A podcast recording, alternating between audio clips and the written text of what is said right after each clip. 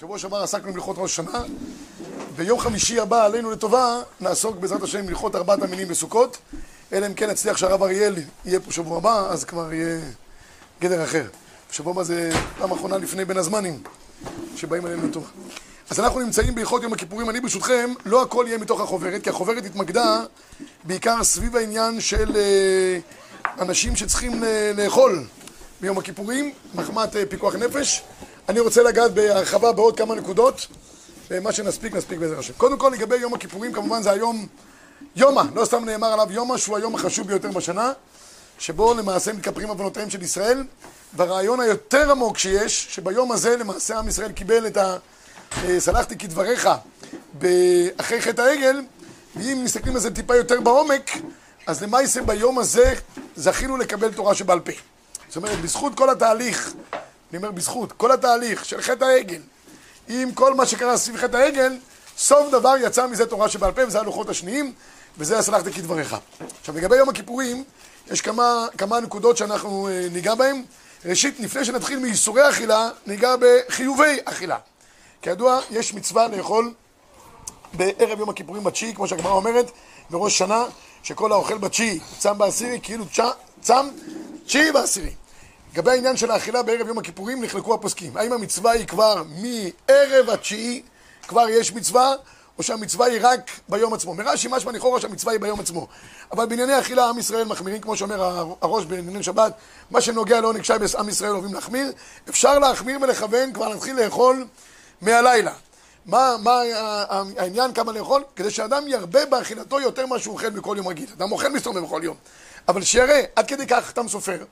אומר שראוי שכל אכילה ואכילה תהיה לשם מצוות האכילה בערב יום הכיפורים, ומנהג האנשים של ירושלים, אה, הצדיקים של ירושלים, שהיו כל יום, ערב יום הכיפורים, נמצאים עם אה, איזה סוכריה בפה כל רגע, כדי לקיים את המצווה של לאכול, לאכול בתשיעי. גם נשים יש להם את החיוב לאכול בתשיעי. אף פי שלכאורה זה זמן, זמן גרמה, מצווה לאכול בתשיעי, זמן גרמה, ובכל אופן, יש כמה שיטות בראשונים למה צריכים לאכול בתשיעי. האם זה כדי שיהיה לנו יותר קשה בצום, כדי שניתן את עבודתכם, או שיהיה יותר קל בצום. אז אם על הצד שאנחנו רוצים שיהיה יותר קל בצום, אז גברי באי חי, נשי לא באי חי, אז ממילא יש סברה שגם נשים אה, צריכות, לכן פסקו גם שנשים חייבות לאכול גם אה, בערב יום הכיפורים. טוב, זה לגבי העניין הזה של הזה. עוד שתי נקודות לגבי ערב יום הכיפורים, אולי שלוש נקודות, לגבי העניין של המקווה, בערב יום הכיפור. גם אם יש אנשים שהם לא מקפידים אה, לטבול כל יום, או אפילו בערב שבס, ערב יום הכיפורים זה מופיע במחבר, שראוי לצו, ראוי לטבול בערב יום הכיפורים. כמה תפילות צריכים לטבול? הרב אליהו זצ"ל כותב בספרו חמש תפילות, שבכל תפילה יש כוונה אחרת. מי שרוצה לראות את כוונת התפילות, יכול להיות בספרו של הרב אליהו. אה, הוא מביא כוונה ש... כמו, או, מצוין. ואם הוא לא זוכר, ונגמר, שכוייך. זה אה, פשוט, כמו בתפילה בהתחלה. כן, הוא מביא, כן, בסעיף אחרי כן הוא מביא את העניין הזה, נכון. אבל יש חמש תפילות, מי שיכול לכוון בכל אופן, גם ברוך יהיה. יש נקודה אחת חשובה לגבי העניין של חציצה. אומנם אצל גברים החציצה לא שייכת כמו, כמו אצל הנשים, וגם אצל גברים, מי שטובל לקריו, תפילת בעל קרי, תקנת עזרא, זה שמה לא מקפידים על, על חציצה. טבל, אבל בתפילת ערב יום הכיפורים מקפידים יותר על תפילה. אם יש רוב, רוב גופו באיזשהו דבר שהוא חוצץ, מן הראוי להקפיד. כי זה תפילה יותר משודרגת מתפילת בעלי קרעים, בסדר? אז אה, ראוי שאדם לא יהיה לו חציצות כאלה ואחרות. זה לא צריך להקפיד על חציצות כמו שאישה אה, מקפידה על חציצה לטבילתה, אבל כן ראוי שיהיה... שיהיה יותר. כידוע רק בעניין הזה של... 40 שיער או של זה? 40 שיער ודאי. לא,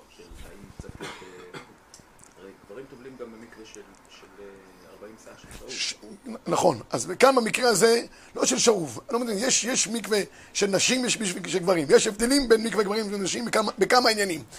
כאן ראוי יותר שהמקווה יהיה כמו שראוי אפילו לנשים, כי זו תפילה יותר משודרגת. מי שיכול, מי שלא יכול. אחד לא יכול להגיע למקווה, יש אנשים מיסטיניסטים, מפחדים שבתוך המקווה יש חיידקים, יש מיקרובים, יש כל מיני דברים כאלה ואחרים, יש מיסטיניסטים. שיעשה כמו שאדם עם נקריו, 12 שאה, זאת אומרת, 9 קבין מים שאובים, זאת אומרת 12 ליטר, פחות או יותר. בבת אחת, שיעמוד תחת המקלחת, וגם בזה הוא יוצא ידי חובה למי שלא יכול להגיע למקווה מסיבה כזאת או אחרת. בסדר? זה לגבי העניין הזה, רק עוד מילה אחת, זה ידוע שילדים לא הולכים לטבול עם, עם אבותיהם, כן, ותלמידים עם רבותיהם. רק לידע כללי, מי ש... גם יש ילדים הולכים, כל המשפחה הולכים למקווה ביחד, יאללה, זה, זה חוויה, ערב יום כיפור. זה, זה, לא, לא מן הראוי שבנים יטבלו עם אבותיהם. בסדר? יכול לחכות להם בחוץ וכולי, רק לידע כללי. אוקיי, נעבור הלאה לגבי העניין של אה, בקשת סליחה בערב יום הכיפורים. מן הראוי שאדם ייכנס ליום הכיפורים שאין עליו שום קפדה משום דבר. לא הוא מקפיד על אחרים ולא אחרים מקפידים עליו. וזה חלק מהתהליך של בקשת סליחה מהקדוש ברוך הוא, כך אומרת הגמרא במסכת ראש שנה, שכל הגמרא בדף י"ז שם, כל המעביר על מידותיו, מעבירים לו על כל פשעיו. עד כדי כך הגמרא מספרת שרב הונא היה חולה וכמעט נטה למות חס ושלום, הגיע רב פאפה, ראה את מצבו, עשה דיאגנוזה, אמר רבותיי, תכינו כבר, חלקה קניתם? את ההספד הכנתם? כך הוא אמר למשפוחי, הוא ראה, מסכן, היה כבר שכיב מרע. לא עברו כמה ימים, הונא קם בבית כנסת, אמר הגוי בן. רב פאפה לא יוכל לראות, ברח מהבית כנסת, ראה אותו, אני כבר הכנתי לו צבוע, כבר טוטלין. וזה, מספרים שזה אחד, היה, מצבו היה קריטי, ואשתו ראתה, הייתה לו אישה פולניה, ואשתו ראה שהוא ככה רוצה משהו, היא אומרת לו, מה, מה, מה אני יכול למלא בקשתך האחרונה? הוא אומר, אני מריח שיש ריח של גידיפית דיפיש. אפשר חתיכה? היא אומרת לו, השתגעת? זה לשבעה הכנתי, אתה רוצה להרוס לי את ההכנה? קיצור, אז, אני כבר הכין את הכל, התבייש. אמר לו רב הונא, אל תתבייש. באמת, ככה היה המצב. אני כבר הייתי ב... רק שמעתי שאומרים, רב הונא מעביר על מידותיו. כתוב שכל המעביר על מידותיו מעביר במקום שם. מחלו לי, וככה חזרתי חזרה לחיים. עד כדי כך כפשוטו, ממש ממוות לחיים כפשוטו. ו- ויש יש על זה פשט בגמרא בסוף מסכת אה, יומא, המשנה האחרונה שם, המשנה אומרת דבר תמוה, עומד עליו הריף, לא הריף של הראשונים, הריף מהאחרונים. אז אה, פינדו, הפ' זה פינדו, זה לא אלפסי. אז אה, הוא כותב דבר נפלא, אומר שכתוב במשנה ככה, תנא קמא אומר, עבירות שבן אדם למקום יום הכיפורים מכפר. עבירות שבן אדם לחברו יום הכיפורים מכפר, עד שירצה את חברו. ממשיכה המשנה, את זו דרש רבי אלעזר בן עזריה, עבירות שבן אדם למקום יום הכיפורים מכפר. עד שנאמר, כי ביום הזה יכפר עליכם, מתאר אתכם כל, מכל חטאותיכם לפני השם תתארו. כולם שואלים, מה הוסיף רבי אלעזר בן עזריה? על תנא קמא, חולק עליו או לא? לכאורה נראה שהוא לא הוסיף כלום. כנראה שהוא חולק עליו, כך גם אומר הפלאצ'י זכר צדיק לברכה, הוא אומר שמחלוקת ביניהם. לפי תנא קמא יש לאדם שני חשבונות, יש חשבון בן אדם למקום, ואדם לחברו. אם יש מינוס בחשבון השקלי, לא מקשר לך מהבנק, נעביר מהחשבון הדולרי. לא, את הדולרי תשאירו כמו שהוא, אל תיגעו בדולרים. אני אחליט כסף, לא אחליט, לא משנה, אבל, אבל, אבל הוא... אבל זה, זה אומר תנא קמא, שני חשבונות, יש לאדם בן אדם לחברו, זה לא, לא משפיע אחד על השני. אם הוא יעשה תשובה כלפי קודשא בריחו, ימחלו לו. את זו דרש רבי אלעזר בן עזריה, אין דבר כזה. זה חשבון אחד גדול. מאיפה לומדים? בגלל שהוסיף את הפסוק. מכל חטאותיכם לפני השם תתארו. מי שלא יודע לסגור את העניין בין אדם לחברו, שלא יבוא לקודש ברוך הוא ויגיד לו, אני רוצה איתך, רגע, אתה סגרת? אתה מסוגל למחול? למה אתה מבקש ממני שאני אמחל? לכן זה מידה כנגד מידה. כל המעביר על מידתם, מעבירים על כל פשעם. תראו, לעשות וידוי כלפי הקודש ברוך הוא קל מאוד. אנשים... חמש פעמים וידוי עושים. לפני הסעודה, אחרי, מתי שהקדוש ברוך הוא רוצה, אנחנו עושים וידוי. אה, רק תגיד מתי לדפוק פה, יש כאלה אפילו דופקים חזק, אני שומע אותם, כי לפעמים זה מלא מדי, רוצים קצת לאוורר. שיש לפעמים שקית מלאה בתפוחים, לא נכנס אפילו זה, אבל רוצים שייכנס עוד כמה. תנער, תנער, הוא אומר. תנער, נכנס. אז וידוי זה אומר. כמה קשה לאדם לעמוד מול חברו ולהגיד לו, אני מבקש ממך מחילה. או שמבקשים ממנו מחילה, כמה באמת הוא מוכן למחול ולסלוח בלב שלם ונפש חפצה. ערב יום כיפור הוא אומר, כן, אני מוחל לך, אבל בליבו מה הוא חושב? ביום פוגני, פגעתי, כל אחד יבוא יומו, לא רוצה להרחיב את המשפטים שיש. כל אחד זה. צה"ל יפגע בזמן במקום שיראה לו. זה פחות או יותר התגובה של האדם. אם אנחנו רוצים באמת שהקדוש ברוך הוא יעשה איתנו תהליך של טהרה, לא כפרה, כפרה זה קל. טהרה הכוונה היא, אומר הרב סולובייצ'יק, ליצור אישיות חדשה שעולה מתוך המקווה לעולם חדש. זה המדד הוא בין אדם לחברו. יש איזה מהר"ל יפה, על פי גמרא מסכת ברוך בדף כ"ז, אבל כרגע אין לנו זמן להרחיב בעניין הזה.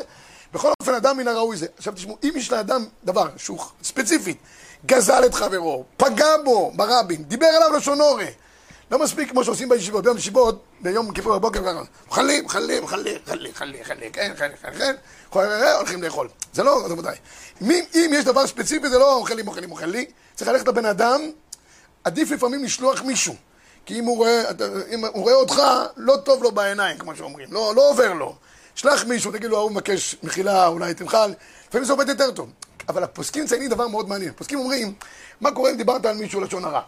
אתה בא למישהו, אתה אומר לו, תשמע, אני רוצה לבקש ממך מחילה. מה עשית לי? אני אגיד לך את האמת, דיברתי עליך לשונו, כמו שצריך. לא רק שהוא לא, שלא זה, הצית העד בחזרה, אומר, תשכח מזה. מיד גם אדם מוציא הלכה, כל אחד גם שולף איזה הלכה. שאומנם אדם צריך למחול לחברו, לא יהיה אכזרי כתוב, אבל אם הוא הוציא עליו שם רע, אין לו מחילה. הוא אומר, לשון הרע זה כבר שם רע, שם רע, אין לך מחילה, לך מפה. במקום שיהיה בערב יום כיפור, מחילה וסליחה, הוצתה אש מחדש. במקרה כזה אדם לא יתחיל לפרט את החטא, זה לא, לקדוש ברוך הוא צריך לפרט את החטא. לאדם לחבר אומר, תשמע, אני מבקש ממך סליחה, אם פגעתי בך באיזה עניין או משהו, מה היה? לא יודע. אני, על החשש, על הסופק, אני אומר לך שאני מבקש סליחה. במקרה כזה הוא מוחל לו ונגמר העניין, צריך לעשות את הדבר בחוכמה, רבותיי. אם למשל יועיל לאדם לשלוח, לשלוח הודעה, בשביל זה עשו את ה-SMS, בשביל מה בא ה-SMS לעולם? בשביל ערב יום כיפור. אחרי זה ישתמשו בדברים אחרים. אבל הוא יכול לשלוח לו הודעה, והוא לא מדבר איתו, לפעמים זה יותר קל. בקיצור, שאדם יהיה חכם, שאדם לא יבוא במפגיע וייצור, מתוך הבקשת סליחה לפעמים נוצר עוד יותר מחלוקת. אז מה, מה עשינו? מה, מה? זה עוד עניין, קודם כל שיפסיק לדבר לשון הרע זה כבר טוב. אה, אם הוא יפעל עוד לתקן לשון הרע, גם ברוך יהיה. טוב, אה, זה לגבי העניין של בקשת סליחה. אדם צריך לבקש סליחה גם מאשתו, רבותיי. גם מאשתו, גם מילדיו, עם... אני תמיד אומר, הייתי אומר לרמים, תשמעו, יכול להיות שאני אה, עשיתי לכם, מה שעשיתי על פי דין, אני לא מבקש סליחה. אם היה תוספת של 10% יותר, לפעמים אתה קצת מכניס עוד איזה קנץ', על החלק הזה אני מבקש סליחה. למה? למה אני מקפיד להגיד דבר כזה? כדי שלא יהיה טועה לראשונות. מה, כל השנה אני עבדתי, על הכל אני מבקש סליחה, אז מה עשינו? לא, אם אני צריך להעיר למישהו, צריך להעיר לו, אין בעיה. מותר להעיר, מותר להוכיח, אין בעיה. לפעמים אנחנו כבר מתלהבים מעצמנו, אה? מותר לי להוכיח? אה, אה, על התוספת 10% מים שיש על כל בשר, על זה אנחנו מבקשים סליחה. זה הכל. בסדר? צריך גם להיות מדויקים בעניין. אז נבקש סליחה בין חברו. הילדים צריכים לבקש סליחה מהוריהם ערב יום הכיפורים. זה זמן גדול, שערי שמיים פתוחים, לכן גם נוהגים לברך את הילדים לפני כיסת יום הכיפורים. זה שעות מסוגלות מאוד, ממש להפוך את כל הלבבות. וכל אחד שיכול לעשות את זה, יכול להגיע למדרגה גבוהה. טוב, זה לגבי העניין של בקשת מחילה, אחד מחברו. עכשיו, לעבור, דרך אגב, עוד מילה אחת, זה כן חשוב מאוד. אם לאדם יש איזושהי גזלה בביתו, לא יועיל מאה סליחות עד שלא ישיב את הגזלה, עד שלא יסדר את ענייני ממונות. הוא לא יכול להגיד, שמע, תסלח לי, אין דבר כזה. יש אנשים שמחזיקים ספרים בבית שלהם. לקחו ספרים, בתי כנסיות, נסתכל רגע. נתן כבר מנת הספרייה מהרגע הזה. עד שלא מחזיר את הספרים חזרה לבית המדרש, גזלה בידו, והגמרא אומרת מסכת בבא קמא, כל זמן שהגזלה בידו, לא יועיל לו אלפי נביאות. צריך גם להחזיר את הגזלה, והשיב את הגזלה של גזל, וגם לבקש מחילה. ותדעו לכם, ענייני ממונות זה הדבר הכי חמור שיכול להיות, כמו שמביא המשנה ברורה לקראת נעילה, שיש קופה מלאה שרצים. מה מקטרג בראש? גזל. לכן בנעילה, אומר המשנה ברורה, בנעילה, מה אנחנו אומרים? למען נחדול מעושק ידינו. זה כל העניין. אתה חושב שהוא רוצה לחזור בתשובה, לעשות מהפכות שלמות. הדברים הפשוטים, הקטנים, האדם שדש בעקביו, על זה צריך את ההסתכלות, ההתבוננות האמיתית. טוב, זה לגבי העניין של בקשת מכינה. עוד נקודה אחת אחרונה לגבי העניין של אה, אכילה מכיפור, יש אנשים שנוהגים לקחת כל מיני כדורים כאלה ואחרים. צום קל, קל צום, כן, כל מיני שמות. מה? עבודה בעיניים. טוב, בסדר, אבל, אבל לא לוקחים. אם זה מועיל, אין שום בעיה לקחת. הרי יש כאלה שאומרים, מה פתאום, יש חלק מהפוסקים אמרו, וניתם את נפשותיכם, אז לכם כותב על זה. לא, אין עניין לעשות יותר. עובדה שאנחנו אוכלים בערב, תשעה, בערב ערב, אה, יום כיפור. חלק מהפוסקים כדי שאנחנו לא נהיה רעבים. לא גרע כל מיני לקיחת תרופות כאלה ואחרות בתשעה בתשרי, על מנת שיקל ממנו את הצום, אין שום בעיה. בסדר? זה לגבי הנקודה הזאתי. עכשיו נתחיל קצת את איסורי האכילה. איסורי האכילה ביום הכיפורים שונים מאיסורי האכילה של כל השנה כולה. אולי, כבר הזכרתי אכילה, שלא, שלא יהיה בולמוס. אז... אז יש לנו, מה, מה, תודה רבה, סליחה.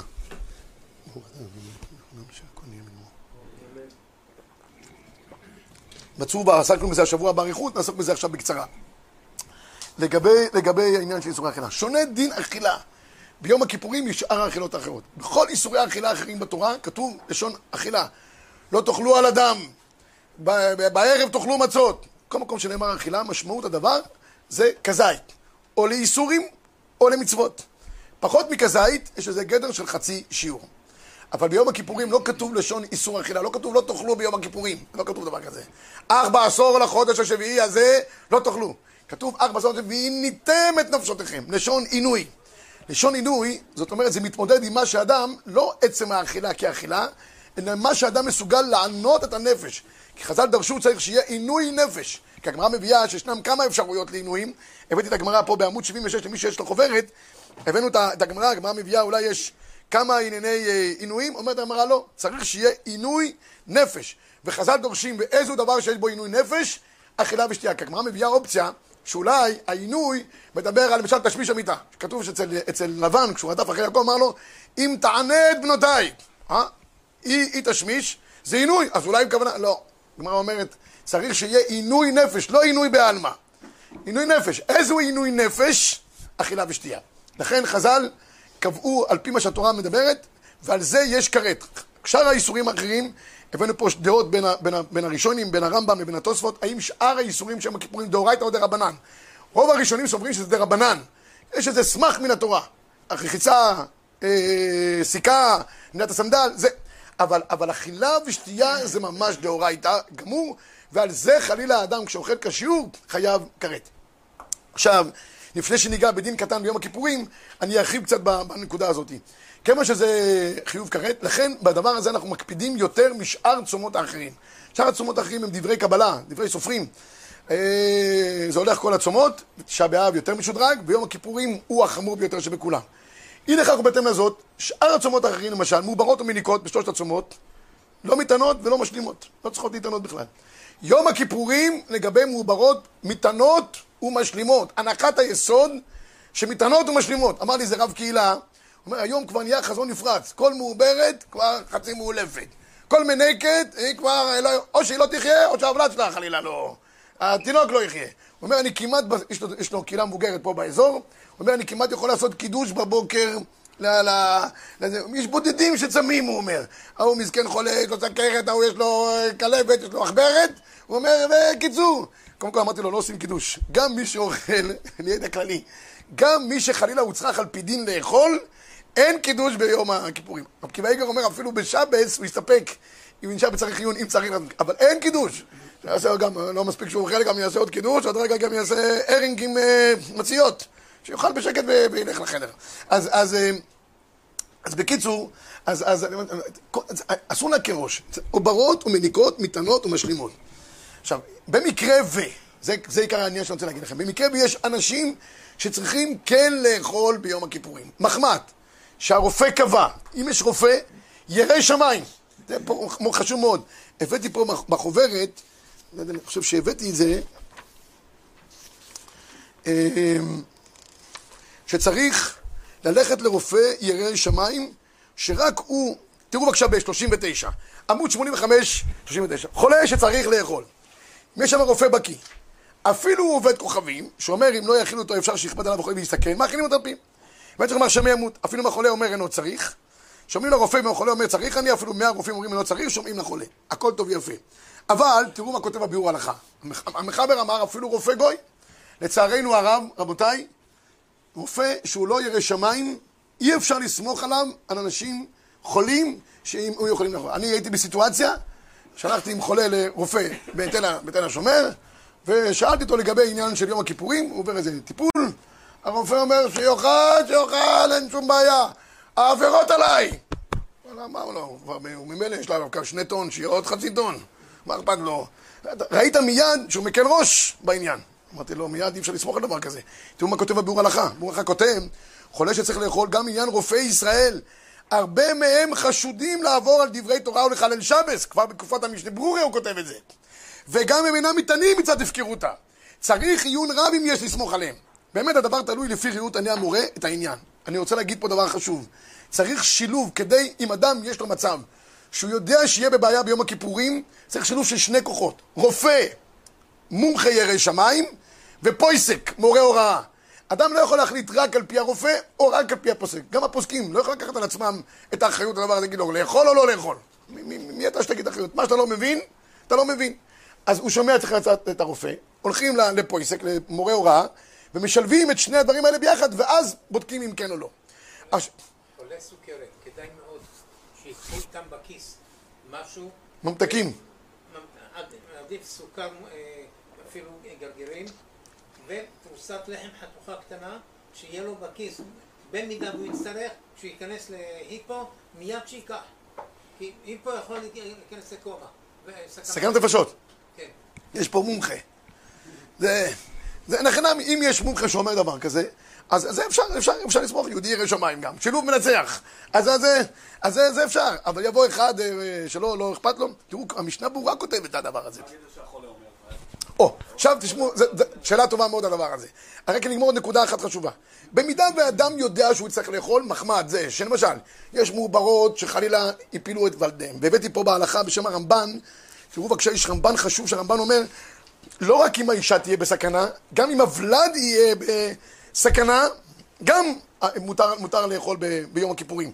כן, יש רמב"ן חשוב, מביא אותו הראש במקור 23, וכתב הרמב"ן, משמע מתוך דברי בעל הלכות משום סכנת ולד לחודי מחללים.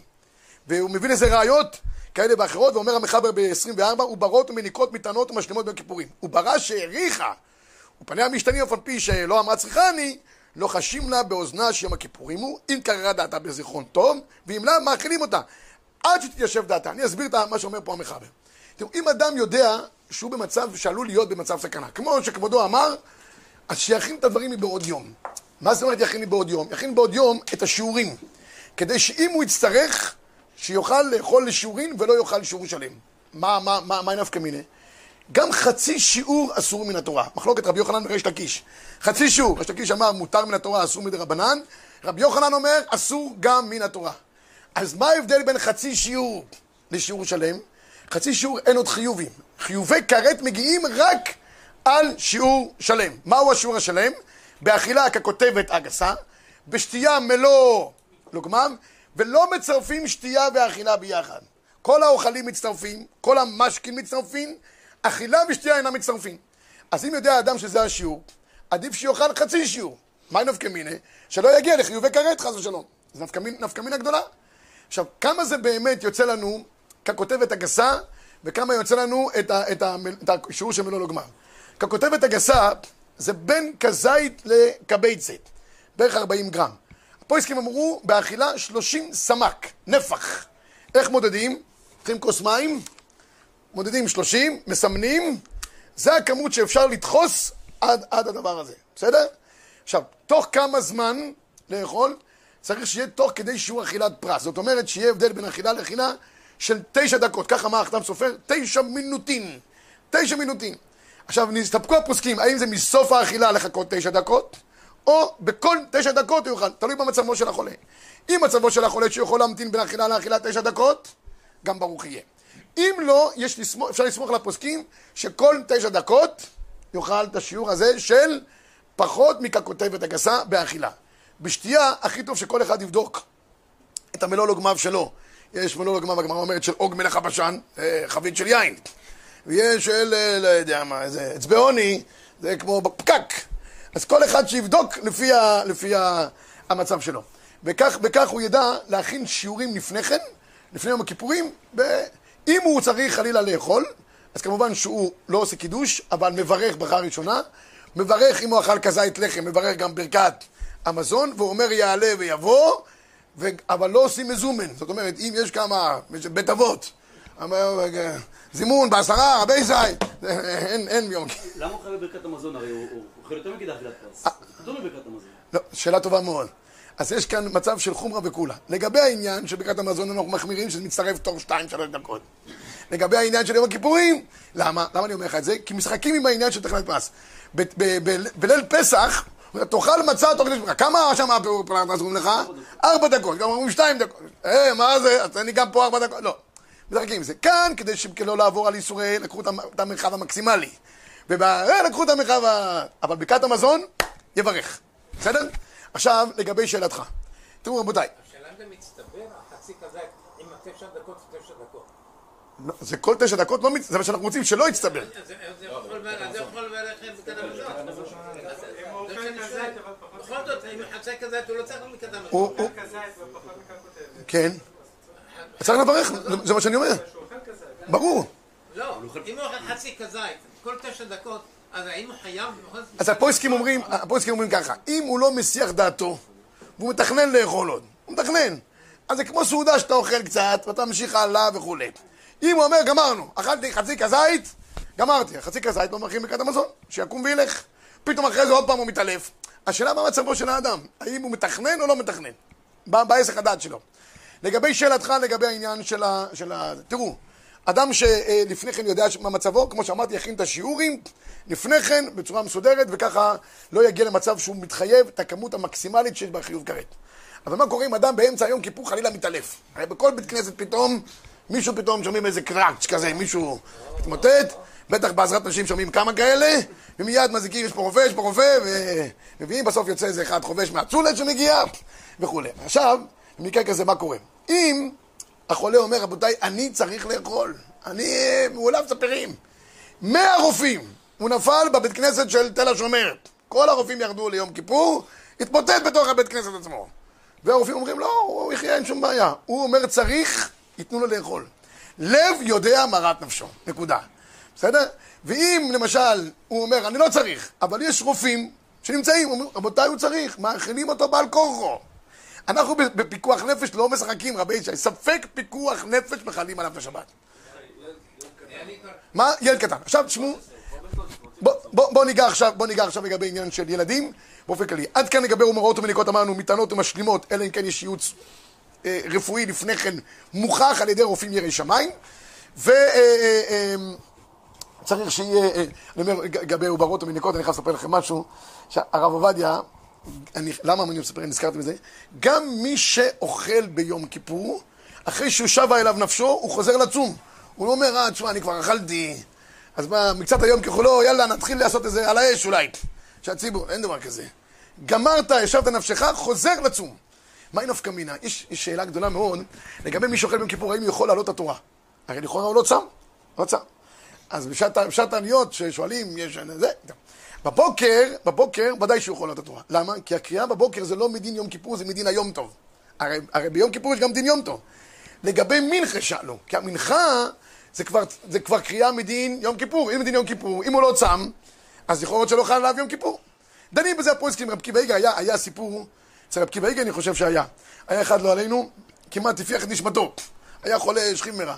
אמרו לו, רב קיבא בוא תעלה אותו לתורה בזה, לפחות שת, שנשמתו תעלה עם העלייה לתורה, בסערה השמיימה. העלו אותו בבוקר. אבל מה, הוא שרד עד מנחה. אמרו לו, רב קיבא איגר, שורד, אולי גם ניתן לו את מנחה, כדי שיעלה עוד יותר. כן, אבל בינתיים הוא היה אוכל. אז יש חידוש שאם ברגע שהוא עולה, אבורט הוא, ככה יוצא מהפוזיציה, אם באותו רגע שהוא עולה הוא לא אוכל, שלא יעלה עם סוכריה בפה. זה- אבורט. כן? אבל כל רגע יש עליו שם, שם של, של צום, כל רגע ורגע. למה הזכרתי בזה? היינו הולכים לשמוע את הרב עובדיה, זכר צדיק לברכה, אחרי שבת תשובה, היינו הולכים אליו הביתה לשכום הקבלן, אז היה, היה לפני הרב עובדיה יש, יש רב מקדים, רב מקדים. היה הרב עמר, שקדוש ברוך הוא יאריך ימיו בטוב. הרב עמר, הוא נותן את הדברים ככה בצורה מאוד אה, ככה כבדה, ובדיוק היה מצב קשה בדור, הרב עמר הכניס לנו ככה מוסר שצריך להתפלל, הוא אומר רבותיי, המצב, המצב זה צריך להתחזק, וזה היה ככה קצת אה, שעה. אחרי כמה זמן נכנס הרב עובדיה. הרב עובדיה נכנס כולו בשמחה, אז הוא מדבר על עוברות, מניקות, שצריכות לאכול ביום כיפורים וזה, אני לא אשכח את הדבר הזה. אז הוא אומר שהמעוברת לא, לא אוכלת, אבל התינוק, מסכן, רוצה אוכל. אז הרב עובדיה עשה ככה, והתינוק מרים את הראש למעלה בבוקר, אומר, איפה האוכל היום? מה קרה? שביתה? אין אוכל? ואז הוא סיפר, אז הוא סיפר, הרב עובדיה, שהיה אצלו בקהילה, אחד שקראו לו יונה. הוא היה מקבל כל שנה מפטיר יונה. טוב, שנה אחת לא, לא היה צריך לאכול, היה לו מצב קשה. הרב עובדיה נכנס, רואה אותו ככה נפול, הוא אומר לו, יונה, מה קורה איתך? הוא אומר לו, אני צריך לאכול, אני לא אקבל מפטיר יונה. הוא אומר למה לא תקבל מפטיר יונה? הוא אומר לו. לקח אותו, הרב עובדיה לקחתי אותו, אכל, אחרי קיבל גם מפטיר יונה. למה? אם הוא לא, אם הוא לא עשה את הפעולה בזה, אז יכול, יכול גם ל... ל- לאכול- ל- לעלות לתורה. טוב, זה לגבי העניין של... אה, אה. מה קורה לגבי קטנים? לגבי קטנים, יש יש מחבר ויש מה למעשה. המחבר בדין קטנים, הבאתי את זה דווקא בהתחלה, אני חושב, כן. תראו בבקשה ב-77, יש גמרא. הגמרא מביאה, התינוקות אין מענים אותם ביום הכיפורים, אבל מחנכים אותם לפני שנה ולפני שנתיים, בשביל שיהיו רגילים במצוות. כל הכינת הקטנים, יום הכיפורים זה מדין חינוך, שיהיו רגילים במצוות. חנוך רפי דרכו גם כי הסכין, לא יסור ממנה. אלא מה?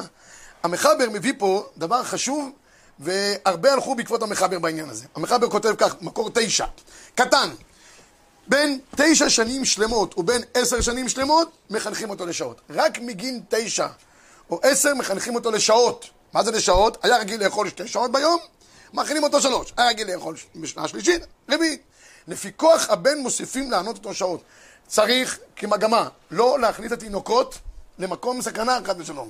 אדם הולך לבית כנסת בבוקר, שייקח איתו שקית, מותר לו לגעת באוכל.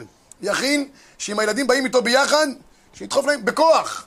יש ילדים קטנים, עושים תחרות. עד איזה שעה הם צמו. באים יום ראשון אחרי, אחרי יום כיפור, אני צם. אני אומר לה, אל תגיד מתי, תגיד כמה שעות. שמתי עשר שעות, שישן עשר שעות בלילה. מקווה שהוא לא אוכל תוך כדי uh, שינה. ויגיד, אני עשר שעות שמתי. מתי? מה אכפת לכם? לא צריך לגלות כל דבר לחברים. כן, עכשיו, אז זה לגבי תענית שעות. בין 11, בין זכר ונקבה, מתנים ומשלימים מגיל 11, מתנים ומשלימים מדברי סופרים, כדי לחנך מדברי סופרים, כדי לחנכם במצוות. ושאומרים שאינם צריכים להשלים מדי רבנן כלל, יש כאן מחלוקת. אם כמובן מגיעים למצב שהם, הילדה בת 12 והבן הוא בן 13, חייבים כבר להתענות מדאורייתא ובלבד שיהיו גדולים מדין תורה. גדול מדין תורה יש לו שני סימנים, שנים וסימנים. שנים, שנים, סימנים, שתי שערות. כן, זה מראה על, עניין של הגדלות. מאותו רגע חייבים מדאורייתא. אבל מה שכן, אני חוזר לדברים שלך. צריך לשים לב במיוחד, דווקא בגילאים האלה, של המעבר, לפעמים יותר קשה להם. אז לקראת סוף הצום, הם מקיאים ויש כל מיני דברים כאלה ואחרים, צריך לשים לב. קטן, אה, אה, סליחה, קטן שהגדיל, יותר נכון, הוא כמו כל אחד אחר. אם חלילה הוא מגיע למצב שבו הוא לא יכול לצום, אם הוא מתעלף, יש לו חס ושלום אה, שינוי צבע בפנים, מישהו אומר לך, בעניין של חילול שבת או יום, יום כיפור, כתוב במחבר בשכ"ח בהלכות שבת, אפילו יש אנשים, כולם מומחים אצל, אצל הפיקוח נפש. הרי, הרי כולם מבינים עניין פחות או יותר. הוא אומר, אדוני, זה סכנה. תן לו. אל, אל, אל תתווכח. אם זה ספק פיקוח נפש, אתה רואה אותו, חס ושלום, נקרא טילפון, אה, שינוי פנים, צבע, אה, תן לו. למה? כי בדברים כאלה לא, לא משחקים. במיוחד אצל קטנים. הפסקי תשובות כותב שמנהג העולם לתת העדים אפילו פחות מגין תשע, קצת לצום כמה, כמה שעות, אבל מעיקר הדין לא צריכים. המחבר אפילו כותב שאסור, תראו בבקשה את המחבר בסוף מקור תשע. קטן שהוא פחות מבין תשע שנים, אין מענים אותו ביום כיפור, כדי שלא יבוא לידי סכנה. תראו את ההגעה, אפילו אם רוצה להחמיר על עצמו, מוחין בידו. פסקי תשובות אומר, אנשים קצת מקלים בזה, אבל מעיקר הדין, פחות מגין תשע לא נותנים להתענות אפילו תענית שעות. ואם הוא רוצה, מוחין בידו. לא מכניסים את הילדים לסכנה. לא להיות גיבורים על חשבון הבריאות של הילדים.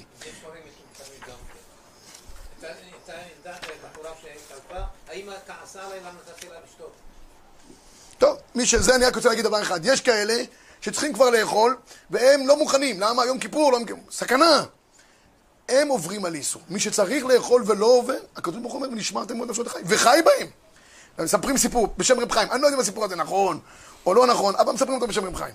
שפעם בשבת היה צריך להדליק אור לחולה כדי שתיישב דעתו, וכולם התחילו ככה לזוז, מה, ידליק את האור, חילול שבס, בא רב חיים, הדליק את האור. אמרו לו, רב חיים, איך אתה מקל בהלכות שבס? הוא אומר, אני מחמיר בהלכות פיקוח נפש. מחמיר בהלכות פיקוח נפש. וחלל עליו שבת אחת כדי שיקיים שבתות הרבה. טוב, נסיים רק בסיפור לפני יום כיפור, אחרי זה נספר סיפור לסוכות, שבוע הבא. אז מספרים, סיפרתי לכם רבי יצחק ברדיצ'ב? סיפרתי לכם רבי יצחק ברדיצ'ב שבוע שעבר? לא, לא סיפרתי, אז אני אספר. רבי יצחק ברדיצ'ב, המון סיפורים יצחק ברדיצ'ב על, על יום כיפור. הוא איחר לבוא כי היה, הוא היה עם איזה תינוק. מה יעשה? מה? יצחק ברדיצ'ב, סנגורן של ישראל. אין סוף סיפורים. זה סיפור יפה. נדמה שהסיפור הזה כתוב על קברו של יצחק ברדיצ'ב. ככה אחרי זה אמר לי מישהו. לא פחות ולא יותר. זה הסיפור. מה היה הסיפור?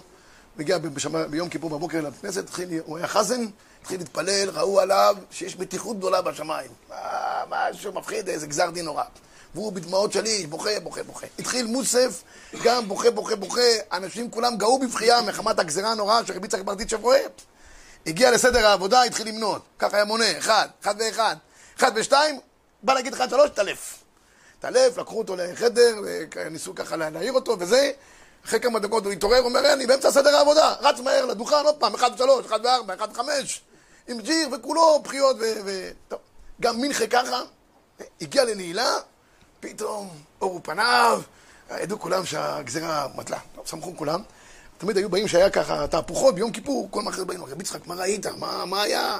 החמאס, איראן, זה, ובסוף אה, פיצצנו את זה, לקחנו להם את הקלסרית. כל פעם הוא היה רואה כל מיני דברים, ואחרי זה מרגיע את הציבור. אז, אז אמרו לו, מה, מה הפעם? אמרו לו, לא, לפני שאני אומר לכם מה היה, אני אה, חייב פה מישהו. יש פה בציבור איזה מתווך, מתווך. טוב, אומר, מישהו מסביר, בוא, בוא הנה. תגיד, ספר לי איך אתה מתווך. הוא אומר, איך אני מתווך? אני מראה איזה בניין דירות, לא משנה מה מצבו בדיוק. מעלה את המתעניין על הטוסטוס, מתווכים נוסעים על הטוסטוס, יהיה להם מהר, צ'ק צ'ק מגיעים. אני מראה לו ככה וככה וככה, מנסה לשכנע אותו, אם אני מצליח, קונה. כמה אתה מקבל על התיווך? הוא אומר, שתי אחוז מכל צד. הוא אומר לו, מברוק, כל הכבוד לך. הוא אומר לו, למה, כואב לך? הוא אומר, לא, למה לא? מה, ככה, עשית שתי דקות, לקחת אותו ככה, שתי אחוז? שיהיה לך לבריאות, מצוין. אומר, תשמע, אבל אני רוצה לשאול אותך שאלה בתור מתווך. עם ישראל, היה, לו, היה להם עוונות, פשעים, חטאים. כל החטאים שלהם היו נראים הכי נורא שיכול להיות. מטונפים, בדברים נוראים והכל. זה היה אצל, אצל הקדוש ברוך הוא. אני עמדתי כל יום כיפור, מחמד כל העבירות האלה, היה גזרות קשות. אני עמדתי פה כל היום, בתעניות, בבחיות, כדי שהקדוש ברוך הוא יחליף את הסחורה, נעשה ביזנס. אני, מה, מה אני אביא לך? אני אביא לך סליחה, מחילה וכפרה. אתה יש לך עוונות, פשעים וחטאים, אני סליחה וכפרה. הוא אומר, תשמע, אני הצלחתי. כמה מגיע לי על התיווך הזה לפי דעתך? הוא אומר, כבוד הרב, אני לא מתעסק בביזנס כאלה, לא, לא התחום שלי, אני מתעסק בבניינים, לא מתעסק ב... ולא יודע כמה זה. הוא אומר, אני אגיד לך, אתה שתי דקות מרוויח שתי אחוז. אני עמדתי כל היום, לא מגיע לי חתיכת תיווך? הוא אומר, מגיע לך, מה, על חשבונך, אני לא, אין לי, אין לי בעיה. ומגיע לי בני חיו מזויני. בגלל התיווך הזה שהחלפתי, מגיע לה בני חיו מזויני. הוא אומר, אבל מה, על שמגיע לי, אתם חושבים שאני צריך את זה בשבילי בתור מתווך? אני אוהב, את עם ישראל, יש לי אהבת ישראל גדולה. רבותיי, אני אומר לכם, עמדתי כל היום, ישבתי איתי ביחד, יש לכם בני חיו מזויני. בגלל שהצלחתי בתיווך הגדול שעשיתי ביום הכיפורים. זה אנחנו צריכים להפוך את כל ה... מה שעשינו כל השנה כולה, להפוך את זה בעזרת השם לבני חי ומזויני, שיהיה לנו שנה טובה ומתוקה. אומרים, מה למה שנה טובה ומתוקה? טובה זה טובה, בעזרת השם שיש לנו טובה. אבל לפעמים לא מרגישים את, את, את המתיקות של זה. יודעים שזה טוב, כל מה שקדוש ברוך הוא עושה איתנו זה טוב. מבקשים מהקדוש ברוך הוא שלא יהיה רק טובה, שנרגיש גם את המתיקות, שיש שנה טובה ומתוקה. לחיים טובים ולשלום בעזרת השם.